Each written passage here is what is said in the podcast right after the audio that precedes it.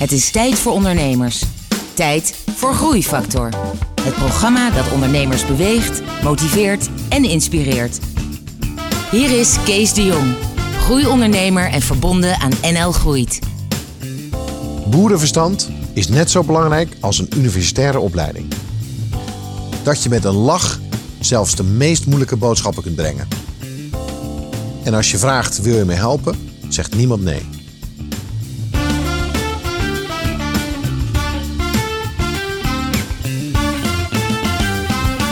Hallo en welkom bij Groeifactor.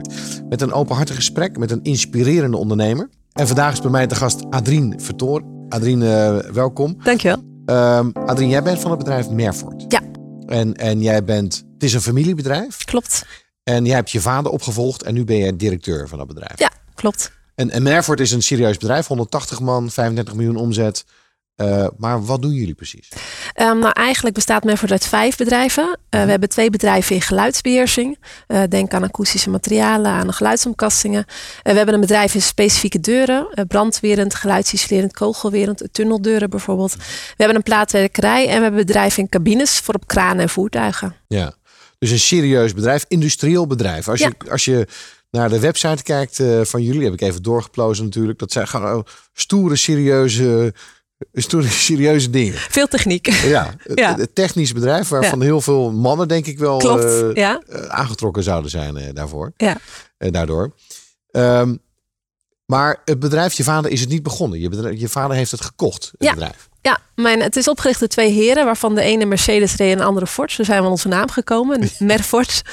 uh, en mijn vader kwam uh, daar te werken toen nog klein was als verkoper. Ja. Uh, en hij heeft eigenlijk in loondienst eerst het bedrijf Merford Noise Control opgezet. Hij zag kansen voor geluidsbeheersing. De hinderwet kwam op in Nederland. Mhm. En in zijn werk kwam hij steeds meer vragen van klanten tegen rondom geluid. Ja. En ja, hij is naar zijn baas gestapt en gevraagd, mag ik een bedrijf starten als medewerker? Ja. En dat mocht. En eigenlijk na een aantal jaren uh, was hij zover dat hij dacht van ja, maar nu wil ik het eigenlijk ook uh, aandelen van hebben. Ja, want ik heb het zelf gebouwd. Ik, ja, hè? ja, ja, en het, ja, het werd, ging steeds beter, het werd steeds groter. En uh, toen heeft hij de kans gehad van zijn baas om inderdaad aandelen te kopen. Eerst een deel en na een aantal jaren de rest. en vanuit daar is hij eigenlijk verder op gaan en zetten. wanneer was dat ongeveer? Um, hij is gestart in de jaren 70 en hij heeft in de jaren 80 heeft hij het bedrijf gekocht. Ja. En hoe oud was jij in de jaren 80? Uh, ik, was, uh, ik ben 1981 geboren. Dan weet gelijk iedereen mijn leeftijd. ja. Dus het was echt al momenten van mijn geboorte, geboortejaar. Ja. ja. En um, in, die, in die periode, um, toen jij opgroeide, jaren 80 en, en vooral jaren 90 denk ik. Was, had jij toen al het gevoel dat jij uiteindelijk dit bedrijf zou overnemen? Wilt van mijn vader. Ja. uh, maar uh, nee, ik was helemaal niet bezig met het bedrijf en dat ik daar zou komen te werken. Mijn ouders hebben ook nooit gepusht. Uh, zeiden zelfs van, joh, weet je, het is zwaar werk. weet waar je aan begint. En nou, duurde me zelfs eigenlijk een beetje weg eigenlijk. Ja. Um, dus nee, ik was er helemaal niet mee bezig. Nee, ik heb, ik, het is wel zo dat me het bedrijfsleven aantrok. Ik ben ook bewust bedrijfskunde gaan studeren. Maar niet met het idee, ik ga later directie voeren in het familiebedrijf. Nee. Wanneer ben je daar gaan werken? Want je bent niet gelijk begonnen als, uh, als directeur. Nee, ik heb wel vakantiewerk altijd gedaan. Ik ben na mijn studie eigenlijk eerst uh, buiten de deur gaan kijken. Nou, gewoon net als ieder ander een, uh, een job gezocht. Um, en ik heb denk ik drie jaar buiten de deur uh, gewerkt. En toen belde een van de toenmalige directeuren belde mij op van... Uh, joh, ik heb een leuke baan voor je. Wil je voor me komen werken? Ja, nooit over nagedacht om, om in het familiebedrijf te gaan werken. Dus Ja. nou, ik ben officieel op sollicitatiegesprek geweest bij hem. Um, en hij had toen niet mij vroeg nog niet aan mijn vader gevraagd. Uh, en toen mijn vader dat hoorde, zei hij van nou, ik vind het goed, mag. Maar ik wilde dan wel ook wel twee dagen als mijn assistent. Uh, dat was ook het werk wat Hij ik wilde jou als ja, assistent. ja, en dat was ook het werk Oh. wat ik uh, had gedaan tijdens mijn studie. Uh, hij had geen secretaresse en ik hielp hem dan veelal met. Hij had visies, maar hij vond het moeilijk om op papier te zetten. Mhm. Dus hij vertelde zijn visie aan mij en ik zette het dan op papier. En Om, jij eh, met je bedrijfskunde achtergrond, jij wist al lang hoe je dat moest doen. PowerPoint erbij, de hele Ja. rambam. Ja, ik had een beetje een idee van nou, hoe zet je dat dan op papier? En ja, wat voor. Uh, nou, ik vond het ook wel leuk om de theorieën erachter dan te zoeken, hè, als mhm. student zijnde. um, dus dat was eigenlijk een hele leuke uh, samenwerking. En, en, welke job had je toen? Wat moest je doen? Commerciële binnendienst. En dat was met name uh, offertes maken, website op orde brengen, een stukje marketing, okay. ondersteuning bieden. Ja. Dus dat was wel heel erg uitvoerend ook ja. wel. Ja, klopt. Klopt. Ook wel heel erg leuk hoor. Omdat je dan echt middenin zit. Je bent gewoon ook echt weer met klanten in contact. En uh, ja, je ziet gewoon alles. Je bent echt met het product bezig. Ja. Ja. Je vertelde ook uh, eerder in ons voorgesprek dat ook uh, jouw twee broers. Je hebt drie broers, maar twee daarvan werken ook in het bedrijf. Ja. En één zus werkt in het bedrijf. Mijn zus niet. Nee, twee Oh, broers. oké. Ja, dus ik heb drie broers en een zusje. Mijn twee oudste broers die werken in het eh, bedrijf. Ja. En, en werkte die er toen ook al? Eh, ja, die werkte toen ook al. En toen werkte er zelfs nog een derde broer. Maar die is inmiddels eh, eh, vertrokken. Alhoewel die soms nog wel eens ondersteuning biedt binnen het bedrijf. Oké. Ja, ja. Ehm, en dan, hoe heb je jezelf verder ontwikkeld binnen die organisatie? Wat, want uiteindelijk ben je de tent gaan leiden. ja, klopt. Dus wat, wat is er toen gebeurd? Wat, Ja. Hoe heb je jezelf ontwikkeld? Eh, overigens, toen ik daar kwam, had ik nog steeds niet het idee dat ik uiteindelijk in het familiebedrijf zou blijven hangen. het was Nee? echt, nee, het was meer van, eh, ik ga erheen. Ik vind het leuk om een keer van dichtbij mee te maken. Meer dan alleen vakantiewerk wat ik had gedaan. En eh, ja, na een paar jaar ben ik weer weg. Dan eh, ga ik gewoon weer lekker verder ergens anders carrière maken. Maar ehm, eigenlijk gedurende de jaren eh, eh, kwamen er steeds meer taken naar mij toe. Ook meer vanuit de holding. Ik zit nu in de holding, overkoepelende organisatie. Ehm, maar bijvoorbeeld, nou ja, onze financieel directeur werd ziek. Ehm, is later helaas ook overleden. Maar heel veel van zijn taken, ja, die bleven liggen. Dus pakte ik op. Op een gegeven moment werd mijn vader ziek. Eh, is gelukkig weer helemaal hersteld. Maar eh, toen kwamen er ook taken naar mij toe. En eigenlijk door omstandigheden, eh, ja, kwam dus ik steeds meer taken. de, de dochter was eigenlijk van de baas, had jij een soort positie waarin je eigenlijk hè, niet verdacht was om al die taken erbij op te nemen. Er werd eigenlijk automatisch kon je dat doen. En Ja. daardoor leerde je zoveel van het bedrijf. Ja. Dat je uiteindelijk het overzicht had. Misschien wel over wat nou de grotere plan en het doel was van het bedrijf. Terwijl je, als je die, dat websiteje had zitten bijhouden op die afdeling van die ene, Ja. ene business unit, dan, dan had je nooit dat hele Nee, overzicht kunnen, kunnen krijgen. Ik was eigenlijk overal bij betrokken. Ik hoorde alles. Ik, natuurlijk die twee dagen dat ik in eerste instantie mijn vaders assistent was, hoorde ik ook alles. Ik was bij heel veel gesprekken aanwezig met banken, met accountants. Ja. Ja, ja overal werd ik bij betrokken. En doordat ik steeds meer taken erbij kreeg, ja, kwam ik ook steeds verder in het bedrijf. Ja. En dat is ja, heel natuurlijk gegroeid. We waren net bij het punt ehm, dat je jezelf ging ontwikkelen. Dat je je steeds meer ehm, eh, breder ging ontwikkelen binnen het bedrijf. Steeds meer wist van financiën. En dat je vader ziek werd. Ehm, wat, wat, wat kreeg hij? Wat was er precies aan de hand? Ehm, ja, zijn eh, aorta was verwijt, dus die moest eh, een stuk vervangen worden. Eh, een hele pittige operatie. Dus hij zou echt al een paar maanden uit de roulatie zijn. Mhm. Ja, en toen heb ik heel veel van zijn taken overgenomen.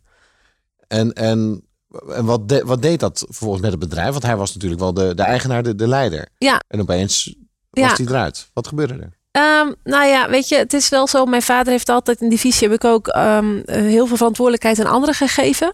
Eh, dus als ik er wegstap, dan staat het bedrijf niet stil. En dat was bij mijn vader eigenlijk ook al zo. Hij had eh, echt de directie, de bedrijfsvoering ook heel veel verantwoordelijkheid ingegeven.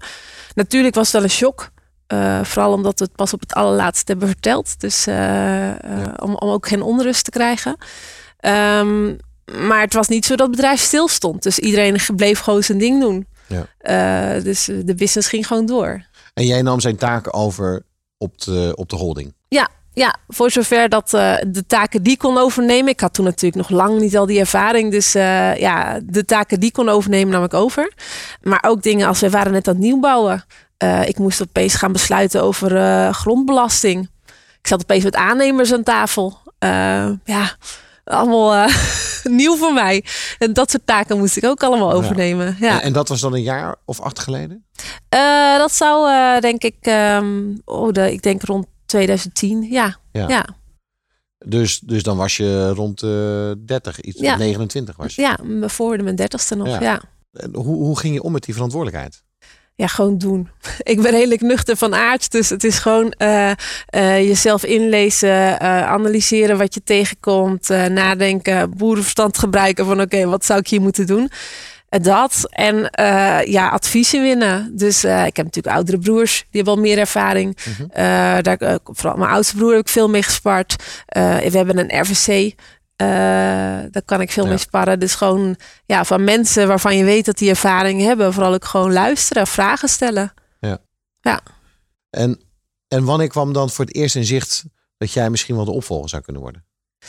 Um, nou, ik weet ook niet precies het moment. Uh, maar er is wel een moment geweest dat mijn vader zijn kinderen bij elkaar heeft geroepen. En eigenlijk uh, met ons om tafel heeft gezeten van nou, wat willen jullie dat ik doe? Um, ik kan het bedrijf verkopen of uh, jullie kunnen het bedrijf verder voortzetten. Wat willen jullie? En toen hebben wij eigenlijk allemaal unaniem gezegd van ja, we willen met z'n allen het bedrijf voortzetten. Um, en ja, dan komt ook de vraag, maar wie gaat het dan leiden? Ja, en eigenlijk uh, was het bij de rest al zo van ja, um, ik wil het niet of uh, ik zie het niet zitten. En ik zei als enige van ja, ik heb nu zoveel geproefd van wat het is om op die plek te zitten. Uh, ik wil het wel. Ik vind het gaaf. Ik wil, ja. ik wil die kart trekken.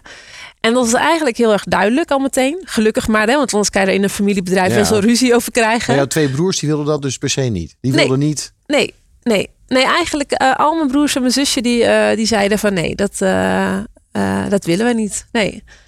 En, en ik wilde het als enige wel. En we hebben daarna wel allemaal een assessment ook nog gedaan. Om het ook uh, objectief te maken. Dus uh, van ben je er geschikt voor? ja, hoe is je karakter? Ja.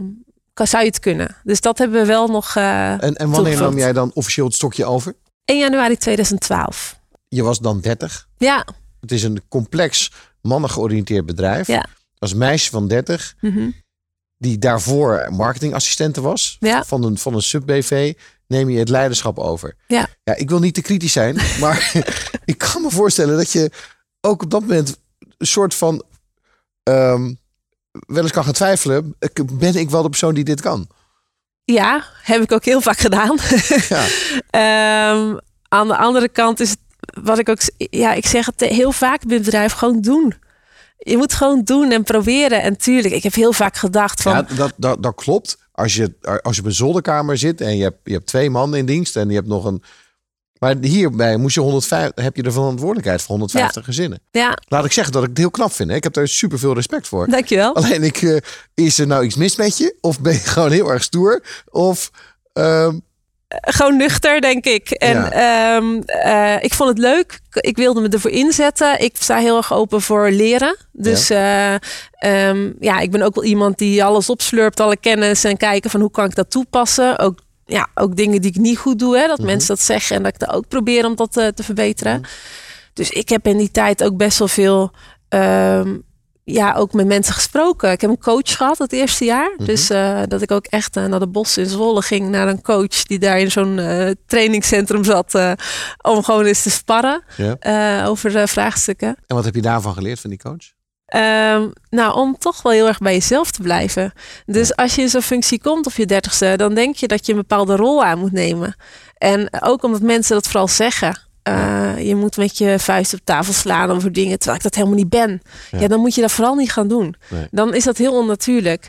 En wat ik ook wel heel erg meegekregen heb, is blijf heel erg authentiek. Dus blijf heel dicht bij jezelf en gewoon ja. wie je bent.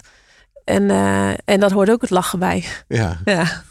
Uh, en wanneer heeft jouw vader je dan eigenlijk helemaal losgelaten? Want hij is natuurlijk nog steeds aandeelhouder, denk ja, ik. Voor een klein deel. En, en, ja. en hij heeft natuurlijk in het begin ervoor gezorgd dat het niet al te misging. Ja, um, nou, hij, uh, ik moet wel zeggen, hij heeft uh, met, al meteen het heel erg losgelaten. Hij is wel commissaris geworden, maar wel Mhm. mm -hmm. samen met nog twee externe commissarissen. Inmiddels is hij dat ook niet meer sinds vorig jaar. Oh. Um, ja, en nou, dat zeg ik juist soort stoer. Wat mijn vader heel goed heeft gedaan, is hij heeft zichzelf meteen een beetje weggecijferd. En tuurlijk, ik spar heel veel met hem nog steeds. Dat doe, doe ik vanaf het begin. Maar hij bemoeide zich nooit met de business. En hoe reageerden de mensen? Ja, nou, ik heb er eigenlijk nooit zo heel veel over gehoord. Misschien achter mijn rug om, maar Um, ik ben wel meteen uh, de organisatie om, om gaan gooien. Dus misschien dat heel veel mensen hebben gedacht, waar zijn nou mee bezig? ja, en toen waren er heel veel momenten dat ik dacht, oh nee, straks ben ik de generatie die heel dit bedrijf uh, overhoop gooit. Maar, maar wat gelukkig... was daar de, het, het, inzicht dan achter dat je die organisatie, want dat is nogal een ding natuurlijk. Ja, ja nou wij zaten in de crisis dus. Um, ja. En we hadden twee hele grote bedrijven. Um, En dat ene bedrijf was best heel complex geworden met uh, heel veel managementlagen uh, en waardoor het besluiten uh, lang duurde. Um, en daarnaast zag je gewoon dat ja, men vergaderde heel veel over heel veel zaken. Terwijl er allemaal hele goede mensen zaten. Maar er kwam, het kwam niet heel veel verder. Ja. En ja, ik heb toen gezegd, joh, we moeten gewoon heel snel kunnen reageren op wat er in de markt gebeurt. Ja. Um, dus de markt het, het, het, is niet meer vijf jaar hetzelfde. De markt verandert in deze tijd zo snel. En dan moet je gewoon heel snel kunnen inspelen. Niet dat we een half jaar bezig zijn met het nemen van een besluit. Ja. En uh, toen heb ik eigenlijk gezegd: ik wil gewoon allemaal kleine, uh, flexibele uh, organisaties hebben die met weinig managementlagen, heel plat, die heel snel kunnen schakelen op wat er gebeurt. Dus ik heb dat, die, dat ene grote bedrijf gesplitst in vier kleine bedrijven. Mefford Cabins bleef eigenlijk zoals het was. Uh, en daarmee de organisatie best op zijn kop gegooid. Ah, oké, en dat zijn die, die vijf units die je eerder op, opnoemde. Ja. Hoe het bedrijf. Uh, en daarmee zijn ze er sneller wendbaarder geworden. Ja. En ook voor jou makkelijker, want nu heb je vijf mensen die aan jou rapporteren. Ja, ja, klopt. Ik heb echt op ieder bedrijf ook een general manager geplaatst. Die ook van mij, ook net als bij mijn vader altijd deed, heel veel verantwoordelijkheid krijgt. Uiteraard hebben wij wel heel veel contact en terugkoppeling van wat gebeurt er. En als het uh, niet goed gaat, van nou, wat ga je eraan doen. Maar zij, uh, zij schrijven in principe een plan en ze kunnen daarmee aan de gang. En uh, ja, dat dat maakt eigenlijk ook dat het voor mij mogelijk was om dit werk te doen. Mede omdat het, ja, ik had niet heel veel ervaring, die mannen wel. En samen doe je het. Ja. Um, dus ik hoefde het niet alleen te doen. Hè, heb dat je wel eens situaties gehad of confrontaties gehad? Hè, dat mensen zeiden, ja, dat doen we niet zo of dat doe ik niet. En dan dat je echt niet meer wist wat je moest doen? Oh, die situaties zullen er vast zijn geweest. Maar meestal zeg ik dan van nou, ik ga erover nadenken en kom er later op terug. En dan kom je er niet op terug. Oh jawel, jawel. Nee, ik ben niemand van mijn woord. Dus als ik, uh, als ik zeg kom erop terug, dan kom ik erop terug. Ja, ja. Heb je nooit, maar dan heb je nooit het gevoel gehad dat je gewoon vast zat, dat je het niet meer wist? Ja, op dat moment wel. Zeker wel. Uh, bijvoorbeeld ook toen ik bezig was met die organisatie helemaal opnieuw opzetten, zijn er echt momenten geweest dat ik dacht, hoe ga ik dit nou weer oplossen? Uh, maar ik heb altijd gemerkt, als je de juiste mensen erbij betrekt en ook uh, de juiste mensen op de juiste plek zet, dat dat, dat weer vlot trekt. En dan heb ik ook eens momenten gehad dat ik dat ik dan niet de juiste persoon op de juiste plek zet. En dat het toch weer een poos duurde voordat het dan wel goed ging. Hè? En dat je dan achteraf denkt van, oh, weet je, dat had ik toen anders moeten aanpakken. Dan waren we veel sneller op dit punt geweest. Ja, uh, ja die situaties heb je. Maar dat is, ja, dat is denk ik in ieder bedrijf zo. En uh, of je nou 30 bent of uh, eh, 50. Ik denk dat je dat wel vaker tegenkomt. Ja. Waarbij ik nu merk, nu ik verder ben. Ja, maar als mensen al 20 jaar daar werken en 20 jaar ervaring hebben. En jij bent relatief nieuw en zeker een stuk jonger. Dan, dan, dan, uh, ja, dan moet je toch winnen op een of andere manier. Ja. Je bent toch de baas. Maar je, je kan niet de baas spelen. Weet je, ze moeten toch accepteren. Dus, dus dat lijkt me juist het uh, lastige ja, veel praten. In gesprek gaan met mensen. Uitleggen waarom je iets doet. Uh, en tuurlijk zijn er dan ook mensen die zeggen... ja, maar ik geloof er niet in, daar heb ik geen zin in. Nou, dan leg je het nog een keer uit. En als je het vijf keer hebt uitgelegd en snap het nog niet... ja, dan is het, ja, we gaan dit toch doen. en als zij hele goede argumenten hebben... dan luister ik daar graag naar. Dus ik ben wel iemand die uh, uh, echt wel luistert naar anderen zeggen... en daar mijn mening op aan kan passen. Ik, voor mij is het niet zwart-wit. Um, en, en dan, dan nog even jouw studie... Want ik heb ook bedrijfskunde gestudeerd. Ja. Maar hoeveel heb jij van je studie nog kunnen gebruiken? Waar het gaat om leiderschaps, uh, personeelsbeleid, uh, productiesystemen. Nou, het komt er allemaal terug bij mij opeens. Ik heb ja. al die. Dit is, dit is echt hele slechte reclame voor mijn studie. Ja. maar, maar ik heb wat ik bij mijn studie vooral heb geleerd is. Uh, analyse maken. Dus hoe pak je een probleem aan en hoe ga je daarmee aan de slag? En um, alle uh, modellen en theorieën die ik allemaal heb gehad. Mhm. Ja, daar komt wel iets van terug. Maar het bedrijfsleven is met name toch het boerenverstand gebruiken en heel logisch nadenken. Ja. En uh, vooral ook in contact treden met mensen en uh, ja, communicatie. En ja, alle vakken rondom strategieën. Ik moet nu echt nog even zoeken altijd als ik als iemand met een modelletje komt. ja. Grappig dat je dat zo zegt. Maar is dat ook het geheim? Gewoon jouw boerenverstand en jouw uh, uh, talent om contact te maken met mensen? Nou, ik denk wel, um, uh, het is altijd heel moeilijk om het over jezelf te zeggen, maar ik denk wel dat ik bedreven ben in heel snel analyse maken met het boerenverstand inderdaad. En, en daarop anticiperen. Groeifactor is een initiatief van MKB Brandstof. Ga naar groeifactor.nl voor nog meer openhartige verhalen van inspirerende ondernemers. Groeifactor inspireert ondernemers. Uh, Adrien, wat, wat, is nou, wat heb je zwaar gevonden afgelopen tien jaar? Wat waren zware momenten? Nou ja, toch ook wel onzekerheid van het ondernemen. Hè? We hebben ook best periodes gehad dat het minder goed ging. Um, en om dan weer, dan duurt het altijd een poosje voordat je weer een omslag ziet. Nou, en ik ben, ook al kom ik misschien soms wel zeker over, op dat soort momenten ben ik ook wel zeker dat ik denk van, oh, doe ik nou de goede stappen? Uh, heb ik nou de goede mensen op de juiste plek? Um, uh, ja, en dan vooral uh, ja, de tijdspannen dat het dan duurt voordat je mensen mee hebt in je plan bijvoorbeeld. Of dat, dat je echt weer die ommekeer ziet. Ja, dat, dat brengt bij mij toch wel een stukje onzekerheid. En, wat doet het dan, die onzekerheid met je? Nou, vooral um, toch wel de, nou ja, angst van... Uh, ben ik de persoon op de juiste plek? Uh, die vraag stel ik me ook wel eens. Uh, maar ook, uh, het zijn toch 180 man die hier afhankelijk zijn met hun gezinnen van het bedrijf. Ja, ik wil niet degene zijn die daar het hele bedrijf de ellende instort. Ja. Um, mijn vader zegt dan overigens altijd dat is goed, die onzekerheid. Want dan leer je jezelf kennen en dan leer je jezelf ook veranderen. Dus die, ja. uh, daar heb ik dan ook gesprekken over. Had je dat nou ook? en uh, hoe ging jij ermee om? En ja, het, je, je, vader blijft dan wel een beetje een soort steun en toevlaten. Ja, een beetje absoluut. een mentor eigenlijk. Ja, absoluut. Ja. Ja, hij weet natuurlijk precies wat ik meemaak. Hij heeft dat ook allemaal meegemaakt. Er zijn momenten geweest dat ik echt wel, ja, echt wel heel gestrest was. En uh, dan weet je van, ik kan nu niet eventjes een weekje thuis gaan zitten, want er is nog zoveel te doen. Kan, kan je een voorbeeld geven van die situatie waarin je zo gestrest was? Nou, als er heel veel, um, vooral als er heel veel gedoe onder mensen is binnen een bedrijf, dat heb je natuurlijk in ieder bedrijf wel eens. Uh, waarbij, je, uh, waarbij je merkt dat de samenwerking niet lekker loopt. Uh, en dat je daar heel erg mee bezig bent om dat te verbeteren.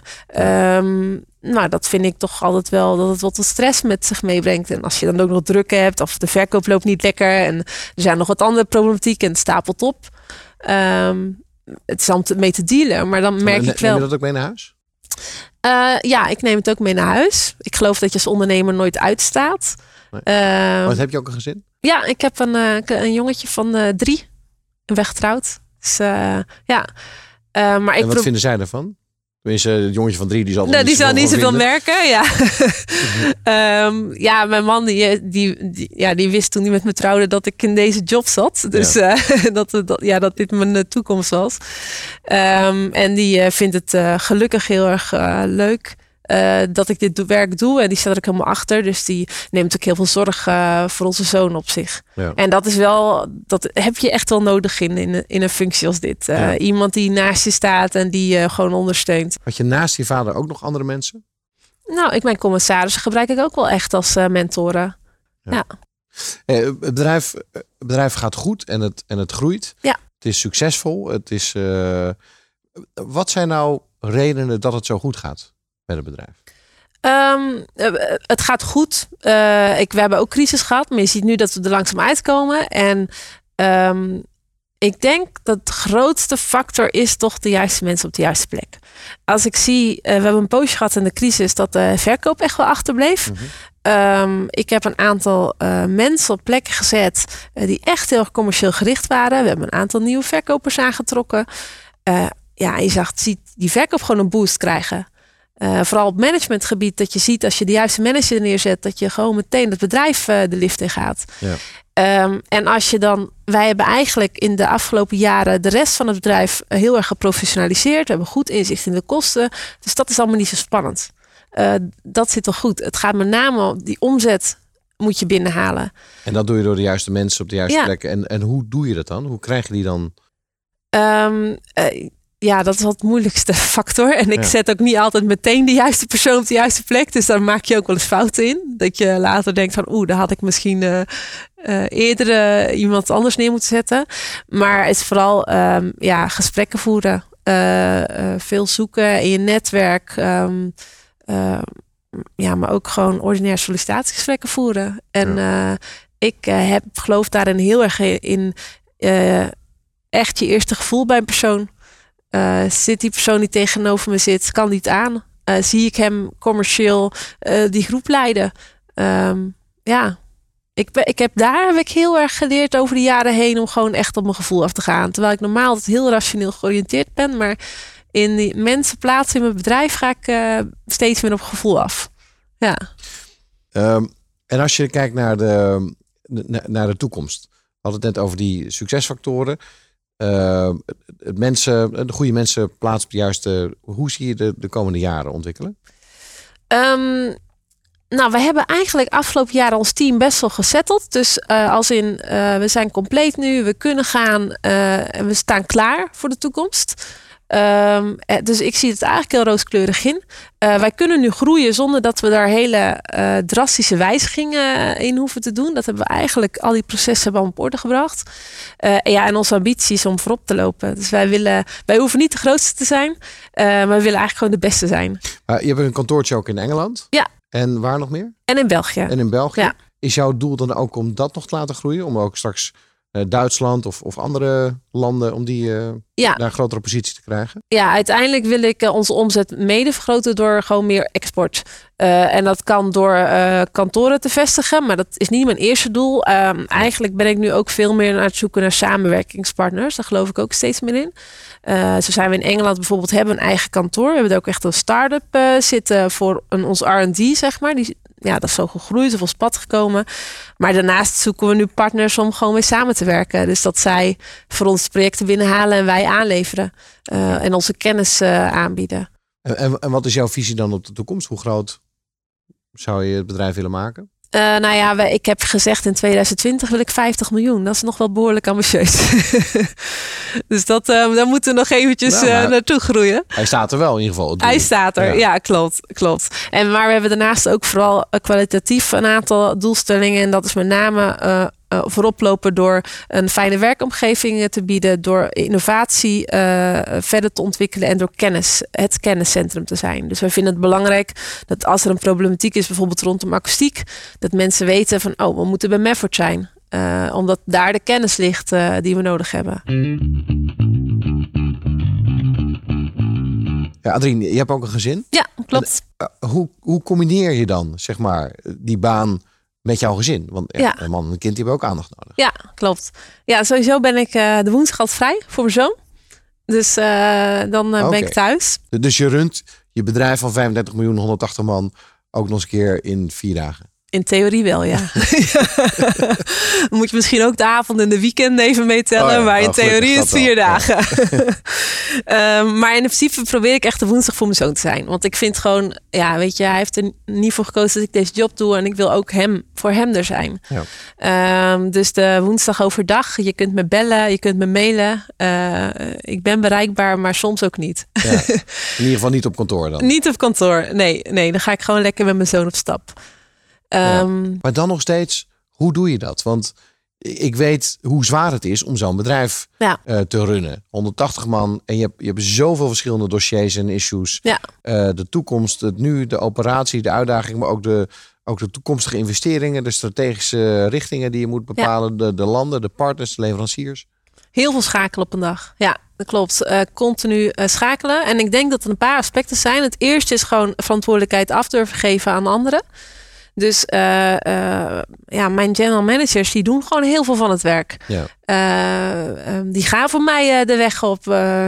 die, die praten met hun, hun mensen en ja. Die, die, ja, die, die runnen gewoon hun bedrijfje. Ja. dan dus dat was eigenlijk de eerste beslissing al die je nam in het ja. begin.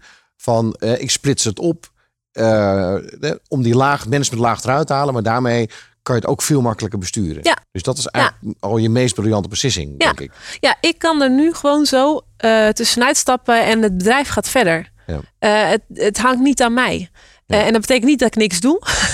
nee, maar maar de, de, de commercie en de productie en het projectmanagement engineering, het, het gaat allemaal verder. Ja. Dat is niet zo dat het dan stil gaat staan. Um, dus dat als eerste. En het tweede is ook gewoon heel efficiënt werken. Ja, ja um, je agenda goed beheren, uh, snel schakelen, snel dingen afhandelen, uh, mail op één moment van de dag proberen te behandelen, niet continu tussendoor. Gewoon echte praktische tips. Uh, anders red je het niet. Dus ja. Maar je wilde naar die 50 miljoen ja. in uh, 2020. Ja. Maar daar heb je wel een plan voor nodig. Dat komt niet, ja. Dat komt niet zomaar uit de lucht vallen. Nee, klopt. Nee, we hebben dat eigenlijk per bedrijf hebben we uh, een plan gemaakt. Uh, en dat plan bestaat aan de ene kant uit uh, organische groei. Dus welke markten kunnen we nou nog op? export, nieuwe producten. Dus innovaties, wat ook een van onze speerpunten is. En het andere deel van het plan bestaat uit samenwerkingen zoeken of eventueel overnames. het is eigenlijk tweeledig. Oké, okay, dus ga je ook nog eens een keer bedrijven kopen? Ja, hebben we afgelopen jaar ook gedaan. Uh, en dat willen we wel doorzetten, ja. En welk ja. bedrijf hebben jullie gekocht? Uh, wij hebben een start-up gekocht in Engeland, uh, Sonobex. die een hele nieuwe techniek rondom het beheersen van akoestiek heeft ontwikkeld. Wat nog Mhm. niet eerder toegepast is in de wereld. Wij hebben toevallig net vorig jaar het eerste project ermee afgerond. en we hebben een bedrijf gekocht, Alrema, in aluminium en stalen deuren en kozijnen. En dat is eigenlijk een aanvulling op ons portfolio van deuren wat we al hadden. En was, wat was het eerste bedrijf dat je hebt gekocht? Alrema. Ja. En, en hoe was dat om een bedrijf te kopen? Eng. ja. Het zijn wel gelukkig twee hele kleine bedrijfjes. Want ik moet wel zeggen, ik heb heel veel verschillende trajecten al gedaan in het kopen van bedrijf. Mhm. Ik heb misschien ook wel eens besluiten genomen. Ik, op een gegeven moment was ik in een traject met een heel groot bedrijf. Uh, ja, dat bedrijf zelf was al, uh, had al, uh, het, het, was in Engeland 20 miljoen pond omzet. Ja, ja daarvan heb ik toen gezegd, jongens, dat echt, dat, dat kunnen we nu niet aan. Dat. Dan gaan we onszelf overhoop uh, gooien. Ja, misschien was dat een verkeerd besluit. Misschien had ik daar gewoon lef moeten hebben. Ik weet het niet. Ja. Uh, maar we zijn dus gestart met kleine bedrijven overname. Uh, in mijn tijd dan. Mijn vader heeft al verschillende bedrijven al eerder overgenomen. Maar wat ik, wat ik heb gedaan. Mhm. Mm -hmm. En uh, ja, dat is toch een beetje eng. Ja, ja. Je, je, krijgt er nieuwe collega's bij. Um, onderhandel je goed? gaat het goed met, met het hele contractmanagement? ja, en, ja. en je hebt een bedrijf genomen. En vervolgens moet je daar een verhaal vertellen. Nou, ik ben uh, Adrien. Ik, ja. uh, hè, dit ja. is het plan. Of dat gaan we doen. Ja. Of... Klopt. Ja, en in dit geval ging het om drie man. Hè, dus dat is heel erg klein. Dus okay. dat is uh, ja. niet zo heel spannend. Nee. Maar toch, je moet die drie man toch meekrijgen. En integreren in je eigen bedrijf. En ja, ook, nou wat ik ook moeilijk vond, is de collega's van je eigen bedrijf overtuigen dat het zinvol is. Ja. Um, ja, dat is soms ook wel eens een hele uitdaging. Ja. Van ja, dat kennen we niet. En dat is een andere techniek. En is het wel slim? En uh, ja. Zou jij een aantal uh, lessen of inzichten kunnen delen voor andere ondernemers of ondernemsters? Ja, wees uh, vooral niet bang om advies te vragen. ik zoek echt wel mensen om me heen ja, die, die, die kennis hebben waar ik wat aan heb. Ja. Um, en durf dan ook te leren. Um, vooral als je, ja, nee, eigenlijk altijd. Maar ik begon natuurlijk echt als een leek. Ja. met helemaal geen kennis. Ja, dan moet je gewoon openstaan voor, voor, voor wat je hoort. Voor wat mensen zeggen. Van oké, okay, dit moet misschien anders. Dat moet misschien anders. En daar niet heel eigenwijs in in je eigen koers uh, in willen varen. Maar, maar hoe vind je die mensen die jij dan vertrouwt om het advies van aan te nemen? Um, je vader, oké. Okay, die is, die ja, is mijn vader is makkelijk. Um, ja, met de commissarissen, je komt ze tegen in je netwerk. Uh, ik, ik, kom op verschillende bijeenkomsten van bijvoorbeeld familiebedrijven. Ja. Uh, daar kom je mensen tegen, die kom je dan vaker tegen, uh, die spreek je. Dan denk je van nou, die zegt goede dingen, daar kan ik wat mee. En die vraag je dan? En die vraag je dan van wil je me helpen? Ja, ja. Um, wil je me helpen? Briljant woord ook. Ja. Zegt niemand nee tegen. Nee. Nee. nee. En iedereen vindt het hartstikke leuk. Oké, okay, dat was de eerste. Wat is, heb je nog een tweede? Nou, wat ik al eerder heb gezegd, blijf bij jezelf. Ja. Mensen gaan je zeggen, je moet het zo doen of zo doen of zo doen. Als dat niet past bij jou, dan gaat dat echt niet werken. En dan zien mensen daardoor heen. Ja, Nog een, nog een laatste vraag. Wat, wat, wat doe jij ehm, verder om te ontspannen in, in jouw stressvolle baan? dat is ook gelijk een hele gevaarlijke vraag, want natuurlijk veel te weinig. ja, ik val in dezelfde valkuil als denk ik heel veel eh, eh, directeuren. Ehm, ja, ik probeer het te doen met eh, lezen. Ik zou moeten sporten, maar dat komt er niet toe. Als je s'avonds laat thuis komt en je bent eindelijk thuis bij je gezin, dan wil je ook gewoon lekker even kunnen kletsen en eh, ja, even het werk eh, kunnen wegzetten. En dan heb ik niet, geen zin om nog te gaan sporten, maar dat zou wel heel goed voor me zijn. Ja. Dus ik ben daar nog steeds zoekend in. Ja, Oké. Nou ja. In ieder geval heb je dan iedere woensdag om met je kind Zo even gezellig bij mee te spelen. Zeg maar. ja, ja, zo is het. Ehm, Adrien, eh, je bent een enorme vrolijke en inspirerende ondernemer, directeur. Eh, en ik, eh, ik, ik vind het echt heel bijzonder eh, wat je doet. En ik vind het echt heel knap. Dus ik heb veel respect voor, voor jou en, en, en alles wat met Mervoort zich nu ontwikkelt. Dankjewel. Dus dankjewel voor dit gesprek. Graag gedaan. Vond het erg leuk. En voor de luisteraars, je luistert naar Groeifactor. En graag tot een volgende aflevering van Groeifactor. Groeifactor is een initiatief van MKB Brandstof. Ga naar groeifactor.nl voor nog meer inspirerende verhalen van mede-ondernemers. Groeifactor beweegt ondernemers.